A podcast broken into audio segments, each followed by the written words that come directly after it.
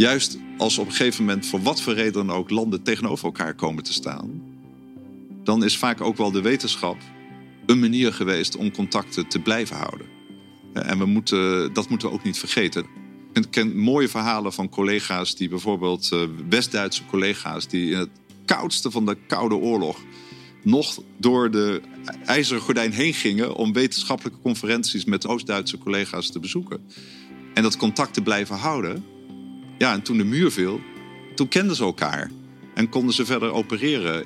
Die lijntjes, dat die er zijn geweest, ook in de moeilijkste tijden, zijn wel heel erg belangrijk geweest. En soms ook wel een startpunt geweest om uiteindelijk elkaar weer meer op te zoeken en te vinden. En dat is nu net het probleem. Steeds meer universiteiten zien zich genoodzaakt om studenten uit bepaalde landen te weren uit angst voor spionage.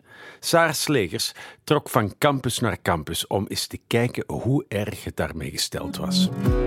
Voorproevers. Dag Saar, welkom nog eens. Jij bent voor de podcastreeks Vriend of Vijand gaan onderzoeken of vrij kennis delen, zoals dat al eeuwig gebruikelijk is tussen wetenschappers en universiteiten, nog wel zo vanzelfsprekend is. Want als wetenschapsjournalist ben jij uitstekend geplaatst om mij uit te leggen waarom dat zo cruciaal is, kennis delen. Kennis delen, nou ja, eigenlijk zeggen de wetenschappers met wie ik spreek van ja, alleen door kennis te delen kom je verder. Ja, om... Want de wetenschapper onderzoekt iets. Ja, die onderzoekt iets, maar die bouwt ook weer voort op kennis die hij heeft gelezen uit andermans artikelen. Hè? Die begint eigenlijk nooit vanaf nul, of mm dan toch. Dus je bouwt voort op kennis en gaat dat vervolgens weer bediscussiëren met anderen. Die gaan weer testen of wat jij hebt onderzocht en de conclusies die jij hebt getrokken, of die juist zijn. Um, of dat er wat tegen in te brengen is. En eigenlijk zegt men, en dus, juist door die uitwisseling krijg je ook weer nieuwe ideeën. En zie je wat anderen doen.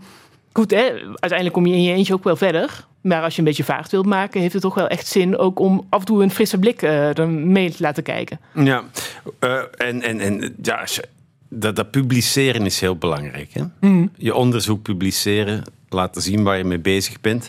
Uh, hoewel we het straks over een specifiek Belgisch geval kunnen hebben. eerst heel even over Nederland, waar jij woont en werkt.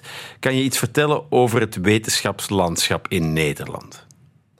Het wetenschapslandschap in Nederland. Ja, bijvoorbeeld van, van, van, hoe, hoe gaat Nederland om met wetenschap? Nou, op dit moment, over het algemeen gesproken, is er juist echt de nadruk op open science. Je wil eigenlijk, vanuit de wetenschap gezien, uh, dat je publiceert en eigenlijk dat iedereen ter wereld die publicaties kunnen lezen. Vroeger had je nog, en nog steeds wel, dat je wilde publiceren en dan pas alleen de mensen die een abonnement hadden op die wetenschappelijke tijdschriften waarin je dat je mhm. artikel plaatst, die konden dat dan lezen.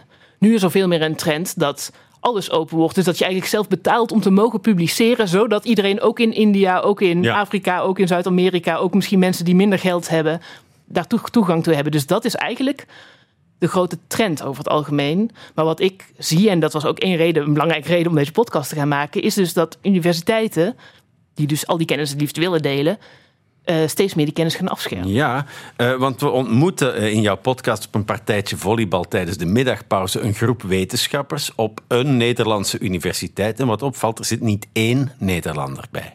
Precies, precies. En dan hoor je meteen van, ja, ja mensen komen van alle kanten uit China, uit Ja, hoe komt dat zo? Want je zou zeggen, ik ga naar de universiteit in Leiden of, of, of, of in Amsterdam. maar dan zit de hele wereld in de klas, maar geen enkele ja, jongen uit uh, Haarlem of uit Friesland. Of... Ah ja, ze, ze, zijn er wel. ik, ik, ik, heb laatst wel wat cijfers opgezocht. Ik geloof um, ongeveer 20% van alle, van alle onderzoekers op Nederlandse universiteiten komt van buiten de Europese Unie.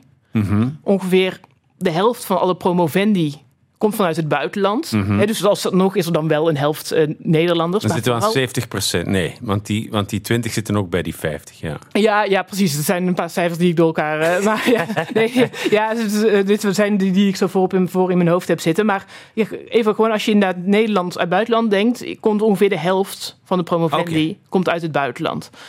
En, en nu wisselt dat ook nog wel heel erg per vakgebied. Kijk. Uh, studie Nederlandistiek. Mm -hmm. zal je toch ook niet meer Nederlands verwachten.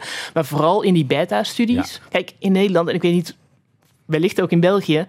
Um, gewoon niet zo heel veel mensen gaan die hele technische vakken studeren. Theoretische natuurkunde, wiskunde, uh, elektrotechniek. Ja. En je ziet gewoon dat in het buitenland, en bijvoorbeeld nou, als je het hebt over hè, uh, gebieden die zich bezighouden met microchips, hè, dingen die nu heel belangrijk mhm. zijn voor uh, innovatie,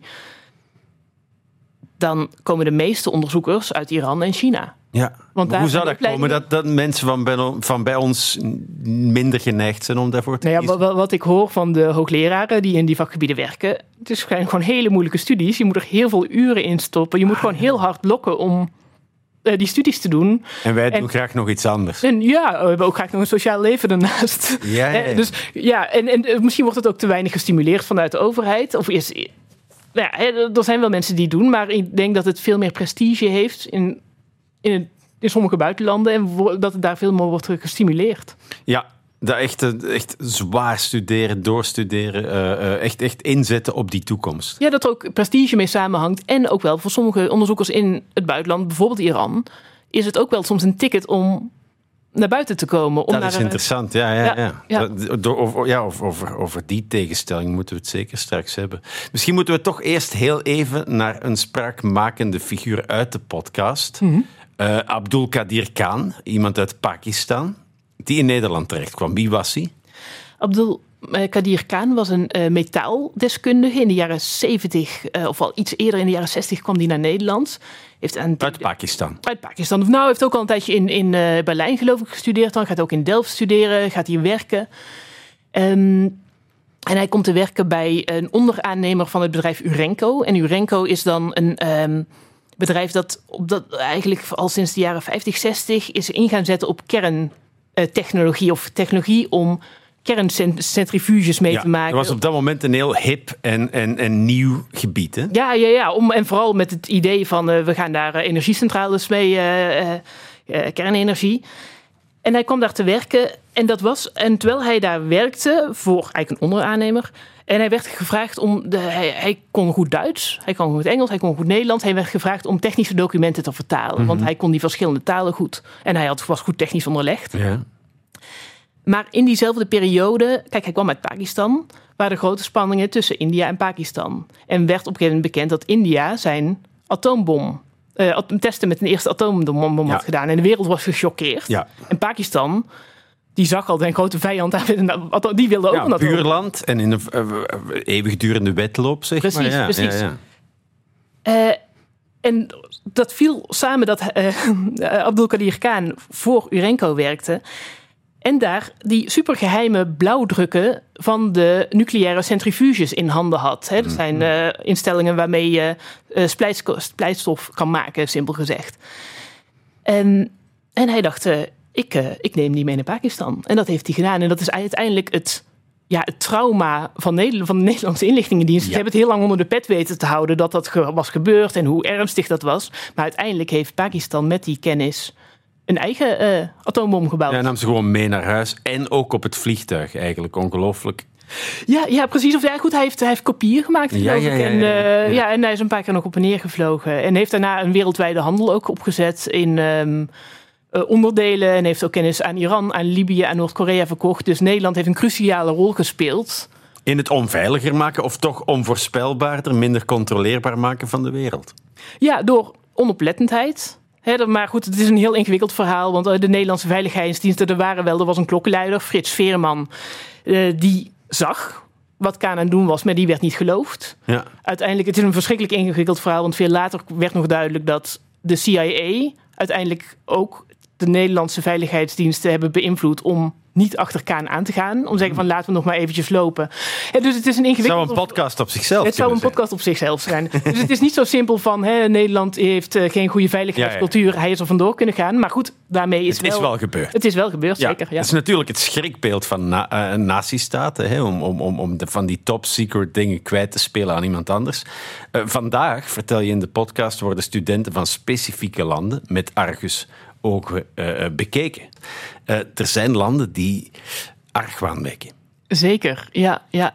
Um, tot nu toe, he, over de afgelopen jaren, waren in Nederland in ieder geval de ogen vooral op Iran gericht. Was er wantrouwen naar Iran, maar... Want is bezig met het verrijken van uranium en dat soort dingen. Ja, inderdaad. De dreiging van uh, dat zij ook een, een, kernwapen willen bouwen. Uh, goed, hè, Iran ontkent, maar dat, dat ze daar wel degelijk mee bezig zijn op de een of andere manier is wel duidelijk.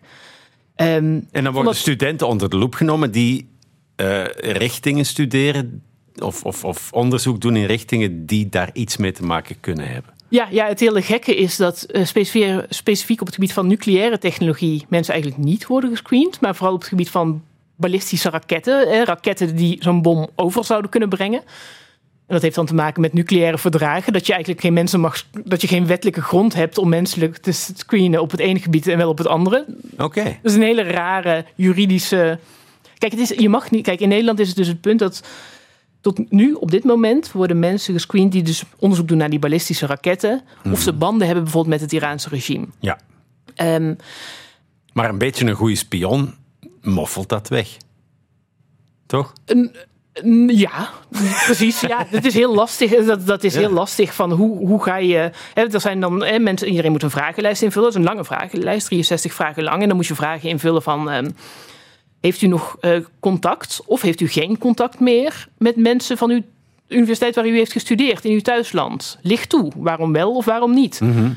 Ja, dat is nogal een brede vraag. Hè? Met wie heb je wel en wie heb je geen contact meer die je in de afgelopen tien jaar op je universiteit ja. hebt gesproken? Of uh, vragen als. Um, is er wel eens iemand geweest die meer dan ongewone belangstelling in uw onderzoek heeft getoond? Wat is ongewoon? Precies, ja, wat antwoord je daarop? Ja. Ik, ik, ja. heb, ik heb meer dan uh, gewone belangstelling voor de podcast, denk ik. Dat wel, dat kunnen we stellen. Nou, dat is mooi. Uh, China uh, is ook een van die landen. Ja, en steeds meer. Kijk, eigenlijk tot een paar jaar terug werd samenwerking met China enorm aangemoedigd. Van Ja. Hoe meer samenwerking met China, hoe beter. Dus er wordt veel geld in de wetenschap gepompt. Maar dat is nu aan het omslaan. eh, omdat China steeds meer als een eh, ja, strategische rivaal wordt gezien van Europa. En van Nederland en van België ook. En er zijn ontzettend veel Chinese studenten. Hè? Ja, zeker. Ja, goed, ik heb er niet de aantallen precies bij de hand. Maar ik geloof dat er meer dan 2000 jaarlijks bijvoorbeeld naar Nederland komen. Mhm. Eh, vaak ook op een beurs van de Chinese overheid. Hè, dus China betaalt het onderzoek. Dat is Eh, natuurlijk al een beetje verdacht. Ja, nou ja, niet per se hoor. Kijk, Europa heeft en Nederland en België heeft ook heel veel Erasmus natuurlijk. Ja, ja, ja, ja. Dus in principe is dat ook wat, wat men doet in de wetenschap. Nu is er wel met die CSC-beurzen gaat het dan om, die specifieke beurzen van de Chinese overheid. Daar staan wel bepaalde bepalingen in, van dat je bijvoorbeeld moet terugkomen naar China. Ja. Dat is ook niet zo gek, dat gebeurt ook met Europese beurzen. beurzen. Maar is er nu ook veel eh, discussie over dat zij bijvoorbeeld loli- loyaliteit moeten eh, Oh ja, tonen eh, betogen. ja, ja, precies. ja. En wat betekent dat precies? En ehm, ja, er, Ja? dat wordt al snel wel ongemakkelijk. Maar tegelijkertijd zijn er natuurlijk ook veel eh, onderzoekers die hier gewoon een baan hebben, hier betaald worden door Nederland. En dan is het zo de vraag van, ja, moet je hen dan ook gaan wantrouwen? ja, die hier ook al, al decennia wonen en werken. Zeker, zeker. En dat was eigenlijk een van de belangrijkste redenen om aan dit project te beginnen, is dat ik het zo opvallend vond. Hey, als wetenschapsjournalist spreek ik met veel onderzoekers en dat ik gewoon hoorde van, ja, natuurlijk nemen wij geen Iraniërs aan, of natuurlijk nemen wij geen Chinezen aan. Dat was de reden voor jou om de podcast te maken, om, omdat Ja. je dat steeds vaker hoorde. Ja, en, en dat ik dacht van hoe, hoe kan je dat zeggen als zo'n vanzelfsprekendheid? Want hè, we deden toch niet aan discriminatie, of in ieder geval niet officieel. Hè? En ook de ene Iranier is de andere niet. Nee, zeker niet. Ja. Nee, en, en juist eh, in mijn onderzoek kwam ik erachter dat heel veel van die Iraniërs die ik spreek, juist eigenlijk ook zo'n opleiding gebruiken om weg te komen uit Iran, omdat ze het niet eens zijn met het regime. En dan kom je hier en vervolgens word je opeens toch met wantrouwen bekeken. Ja, of je niet eh, vanwege je nationaliteit. Ja, eh, nu eh, in, in, in, inderdaad, wat ik frappant vond was dat de landen die dan geweerd worden, toevallig of niet toevallig ook de briljantste studenten en onderzoekers leveren. Ja, dat is een hele lastige. En daar zijn wetenschappers ook wel bang voor. Van hoe meer mensen je gaat screenen. Want kijk, tot nu op dit huidige beleid in Nederland is nog heel erg gefocust op Iran. Maar inmiddels is er een wet in de maak die ook gericht veel meer gericht is op. Ja, het heet dan landen neutraal te zijn. In feite is het heel erg gericht op China en nu ook steeds meer Rusland. En. Ach, en nu ben ik mijn draad even Dat is kwijt. helemaal niet, hè?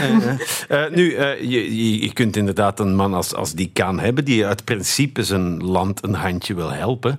Maar je hebt in de podcast ook het mooie en hartverscheurende verhaal van die Iraanse wetenschapper uit Luik, die helemaal geen behoefte heeft om te spioneren op zijn werk. Maar op vakantie in zijn thuisland wordt benaderd. Ja, ja. Op een niet al te subtiele manier. Nee, nee, dat is het verhaal van eh, Hamid Babai. Ook een financieel wiskundige die is in, in, in Luik promoveert en even teruggaat eh, op vakantie in Iran. En een telefoontje krijgt van, nou, van de inlichtingendienst eh, van komt u eens praten. En op dat moment is hij, dat zegt hij ook achteraf, ja, ik was heel naïef. Ik dacht gewoon, ja, die willen wat informatie. En ik, ga, ja, ik heb geen interessante informatie voor hun. Dus hey, je werkt gewoon mee, je gaat op zo'n gesprek. En we zien het wel. Maar vervolgens, dus hij dacht van, nou ja, ach ja, zo gaan die dingen in Iran, dus ik ga even met hem praten. Maar in dat gesprek werd hij gevraagd van, nou ja, wij willen graag dat je voor ons gaat spioneren. Niet zozeer, hè, ze wilden, de, de Iraanse overheid was, of de inlichtingendiensten waren in zijn geval niet echt geïnteresseerd in zijn werk naar uh, uh, financiële wiskunde, nee. maar waren meer geïnteresseerd van, ja, kan jij in de uh, Iraanse studentenvereniging in Luik andere Iraniërs gaan ja, informatie, ja. ja, en informatie aan Iran doorspelen? Ja. En hij zei, uh, nee, natuurlijk, dat ga ik niet doen. Nee, die had daar absoluut geen oren naar. Ja, en niet uit principe, maar meer uit een soort van, uh, vond ik heel grappig, van ja, ik ben niet zo'n mensenmens, ik, ik, ik hang niet graag rond met andere mensen. Nou, dat ook, maar ook wel uit principe. Het was niet, maar inderdaad, hij was sowieso, hij hield zich vooral liefst bezig met de rentestanden en, cijfers, en de cijfers. Ja, ja. Um, maar, maar ook wel van, ja, nee, natuurlijk ga ik dat niet doen. Ja. Maar, maar hij had op dat moment helemaal niet door dat het niet een vraag was waarop hij nee kon zeggen. Precies, en, en, en, en dat hij eigenlijk enorm naïef was. En dacht dat er een soort van logica zat in, in dat systeem, en die, die vraag. Ja, en, en inderdaad, want en die, dat, dat, dat geloof is hij nog jarenlang vast blijven houden. Want wat er gebeurde, hij zei nee. En zijn ondervragers zeiden, ja, weet je dat zeker? We geven je vijf minuten bedenktijd. En hij bleef bij zijn antwoord. En hij dacht van, nou, misschien sluiten ze me twee dagen op... gewoon om een lesje te leren. Nou, uiteindelijk werd hij veroordeeld tot zes jaar cel. Ja, tegen zijn vrouw die buiten stond te wachten, zeiden van uh, je kunt naar huis hoor, hij, uh, hij, zit in de gevangenis. Precies, en, en, en, nou ja, goed, en het, het bizarre van dit verhaal is dat hij, hij werd opgesloten, of eerst nog in, hij werd naar een, een, een gevangenis overgedragen. Mm -hmm. Daar kwam hij eerst in een isoleercel gestopt. Um, en kijk, hij dacht nog steeds, ja, ik heb niks misdaan. Ja. dus ik, ik, ja, dit is gewoon om, om me bang te maken. Maar uiteindelijk, het doel van dat hele dit verblijf in die isoleercel was om hem te laten bekennen voor een misstand, waardoor hij veroordeeld kon worden. En door die, eigenlijk die marteling gewoon van de isoleercel en van... Bekennen dat hij voor de Belgische staat spioneerde zelfs. Nou, nou, precies, uiteindelijk werd, want hij zei van ja, ik, ik, ik geef les aan uh, Erasmus-studenten, uitwisselingsstudenten. En zijn ondervragers sloegen daarop aan en zeiden, ah, Erasmus, maar dat is een uh, organisatie gefinancierd door de Be Belgische overheid om te spioneren op buitenlandse Ja. studenten. Dus jij werkt voor de... En dat was uiteindelijk de reden om hem uh, zes jaar lang op te sluiten. Zes jaar lang. Verschrikkelijk. En nog steeds echt gedurende die zes jaar ongeveer bleef hij geloven van ja, dit is een foutje, ik kom zo weer vrij. Want hij bleef geloven in een soort logica. Ja. En eerlijk gezegd, ja goed, inmiddels met ook nu, dat was in 2013. Maar wellicht omdat hij al zo lang in België woonde, dat hij, dat hij gewend was geraakt aan... aan... Nee, maar hij zegt ook wel van, um, ook als je in Iran woont... En goed, nu is het wel anders, hè? nu zijn er al die Ja. protesten in Iran. Hij zegt, zolang je in Iran woont en niet echt buiten de gebaande paden je Mhm. begeeft, kan je ook nog blijven geloven dat er een soort rechtvaardigheid in het systeem zit. Dat er een logica in het systeem Ja. zit. Of en hij geloofde dat in ieder geval.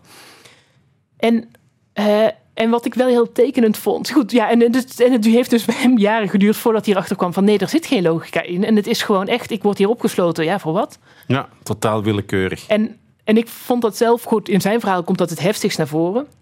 Maar eh, ik vond het ook een soort spiegel voor mezelf. Al hier in, nou ja, ik dan in, in Europa, in Nederland.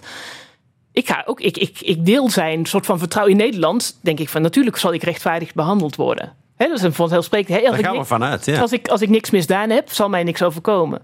En ook dat je dan soms denkt van hè, mensen die hier komen uit het buitenland en gescreend moeten worden. Dan denk je van ja, god, als die niks kwaad in de zin hebben, komen die prima door die screening heen. Is dat wel zo? Ja, ja. Maar ik merk toch wel op het moment dat je je op inlichtingendiensten, het terrein van de inlichtingendiensten begeeft, dat die, die, die wetten niet meer gelden per se. Die onschuldpresumptie werkt dan niet. Want inlichtingendiensten, ook Nederlandse inlichtingendiensten en Belgische inlichtingendiensten, zijn ervoor bedoeld om problemen te voorkomen. Ja, Dus die gaan al voordat iemand iets mispeuterd heeft, ervan uit. de, die, ja, die proberen al te kijken wie vertrouwen we wel en wie vertrouwen we niet. Ja. Dus dan kan opeens ook je nationaliteit alleen al, of dus de universiteit waar je ooit hebt gestudeerd, genoeg zijn om te denken van ja, jij bent een potentiële vijand. Ja, en bewijs dan maar eens dat het niet zo is. Precies, dat is niet te bewijzen. Ja. Eh, nu, eh, wat, ik- wat ik, wat ik ongelooflijk vond, was dat die, eh, die Hamid na zijn gevangenisstraf toch terug naar Luik kan. Ja, nou, ongelooflijk. dat- en daar dat- terug zijn leven kan oppikken. Precies, nou ja, dat, dat was ook heel spannend. Ik heb dat maar in de podcast niet heel uitgebreid kunnen bespreken. Maar kort gezegd komt erop neer dat hij... Ja, hij wilde heel graag natuurlijk weg uit Iran. Maar de vraag was hoe. Eerst hebben ze zich echt een half jaar stilgehouden... en niks, geen geen media opgezocht. Ehm, en ze hebben veel advies gevraagd. En toen was er misschien, een, en ze weet niet zeker, misschien er waren even wat politieke versoepelingen. Misschien lag het daar aan. Ja, ja. Misschien was de mevrouw die een, paspoort in zijn, een stempel in zijn paspoort moest zetten, dat ze niet zo goed heeft opgelet. Ehm, maar hij heeft een uitreisvisum kunnen krijgen. En ja, ze hopen heel erg dat ze ooit weer terug kunnen naar Iran. Maar dan zeggen ze na de revolutie, Ja. Die hij overigens mee hoopt te helpen ontketenen, Mhm. dat er een ander regime komt. Maar hij zegt, zolang dit regime er zit, is er voor hem geen kans eh, om terug te gaan. Ja, nog één ding over zijn verhaal wat ik heel erg vond. Dat hij en zijn vrouw alle contact met mede-Iraniërs mijden. Dat daar Nu toch in- een enorm nu in België, is. ja. En dat is, zo, dat is verschrikkelijk. En zij vinden dat zelf ook verschrikkelijk. Dat ze zeggen van ja, wij weten niet meer wie we kunnen vertrouwen. Want wij weten hoe moeilijk het is, eigenlijk onmogelijk het bijna is om nee te zeggen tegen de inlichtingendienst als je wordt geronseld. Mhm. En dus dat zij heel voorzichtig zijn geworden. Ja. Ja. Ja. En dat is natuurlijk heel tragisch. Nou, die spionnen zijn geen gemene James Bond schurken, maar ja, misschien gewone mensen die anders dan Hamid wel ingestemd hebben met een geheime dienst. Hè. Al was het maar het zelfbescherming. Die lopen op alle eh, universiteiten rond, zegt iemand van de inlichtingendienst. Dus we zullen het maar aannemen. Merk je dat er veel onderling wantrouwen heerst op zo'n campus? Ik denk ehm, dat begint meer te worden, maar over het algemeen is die wetenschappelijke eh, gemeenschap heel gastvrij. En mensen kennen elkaar. En, ehm, dus ik denk dat overwegend een hele gastvrije cultuur heerst. Maar nu met steeds, hè, er komt steeds in het nieuws van, oh, er is een geval van spionage hier. Of een... Daarmee wordt dat wantrouwen wel gesterkt, inderdaad. Dus eh, dat komt wel, ik hoor dat steeds vaker. En hoe uitzicht dat dan? Eh, nou ja, kijk, het, het- het zijn denk ik subtiele, of nou ja, subtiele en minder subtiele dingen. Het- Mensen, eh, goed, ik spreek het meer Iraniërs dan Chinezen, want met die regeling is mijn onderzoek eigenlijk gestart rond Ja. Iraniërs. Maar dat toch wel vaak grapjes worden gemaakt of een beetje worden gevraagd van, oh ja, eh, ah, jij komt ook uit Iran of eh, gewoon, er worden, wordt, je wordt er vaak op aangesproken. En dat kunnen grapjes zijn, maar als je juist uit Iran komt en weet wat er speelt en weet hoe de inlichtingendiensten werken, dan zijn die grapjes toch minder Ja. grappig. Ja, ja, ja. Maar gewoon puur praktisch. Mensen worden op het moment dat er ehm, weer een nieuwe kennisveiligheidsregeling, zo heet het dan, wordt aangekondigd. Dan zie je vaak dat universiteiten opeens alle Iraanse studenten gaan weren.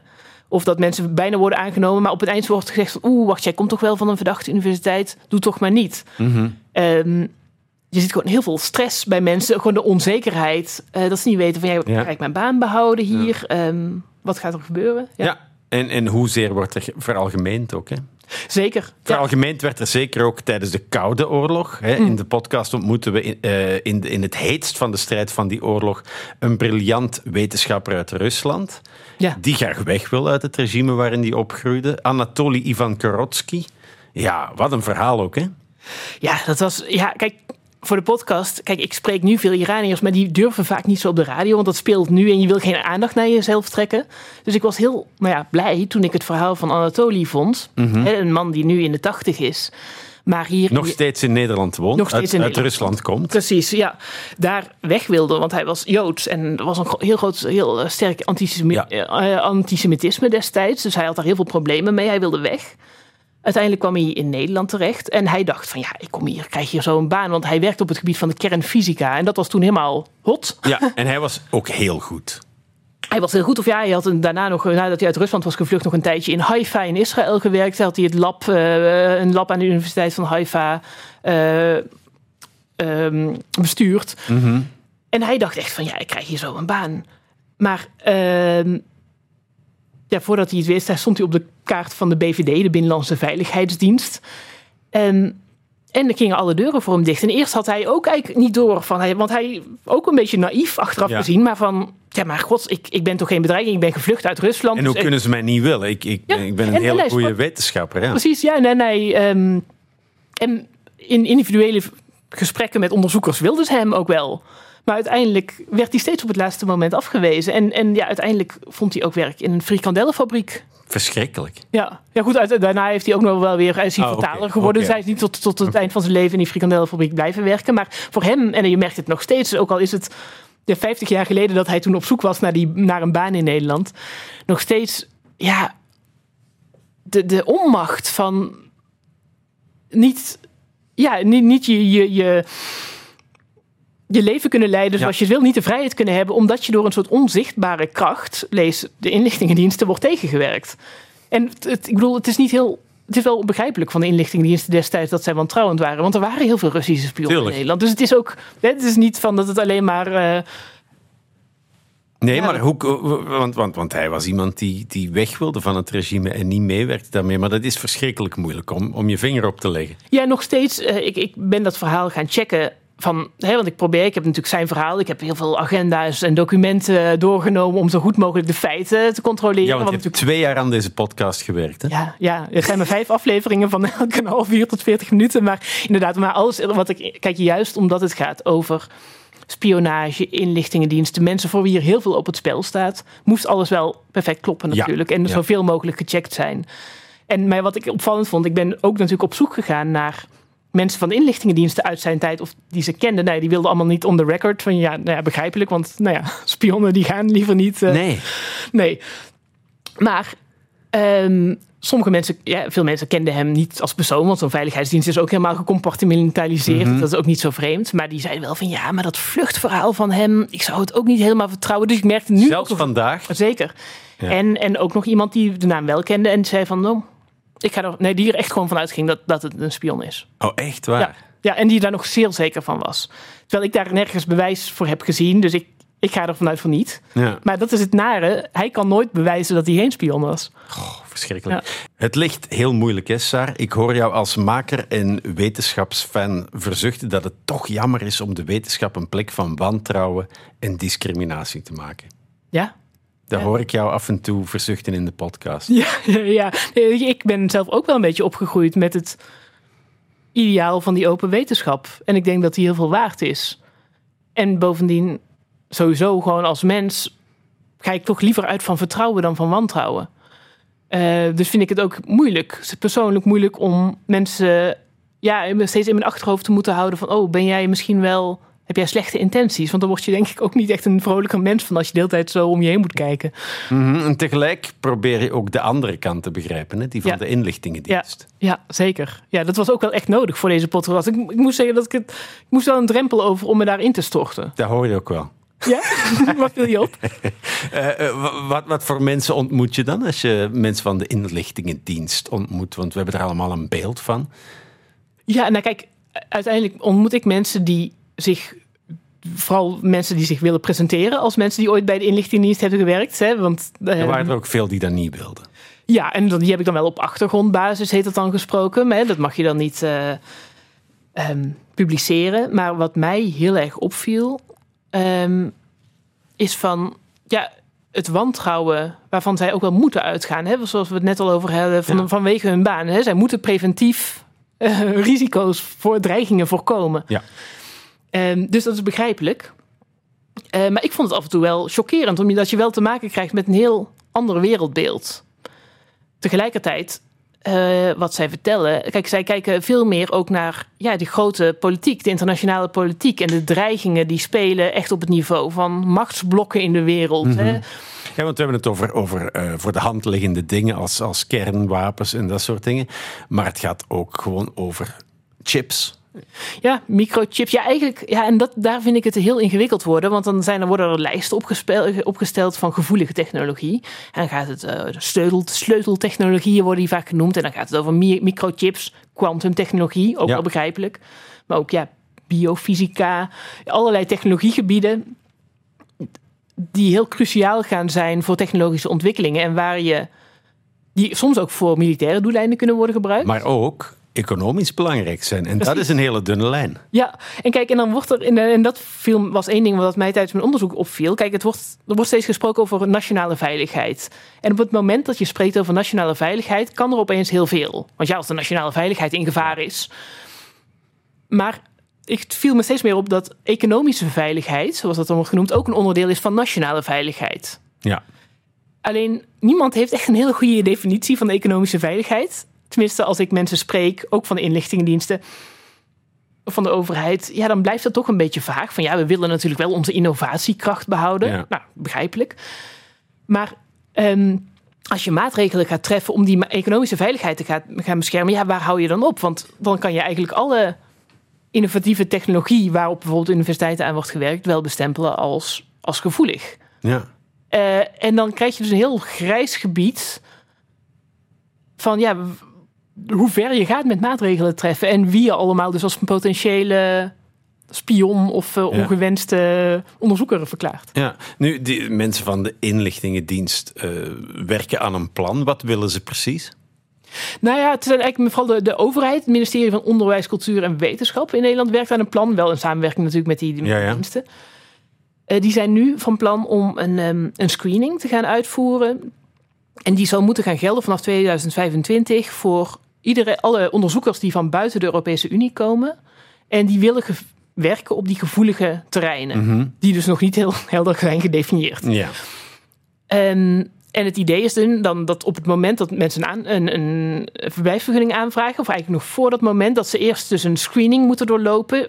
Wie dat moet organiseren, weten ze ook nog niet precies. Logistieke nachtmerrie. Dat wordt een logistieke nachtmerrie, want ja, ik heb dus gezien met eerdere screenings dat, daar waren al enorme wachtlijsten en daar was al te weinig capaciteit voor.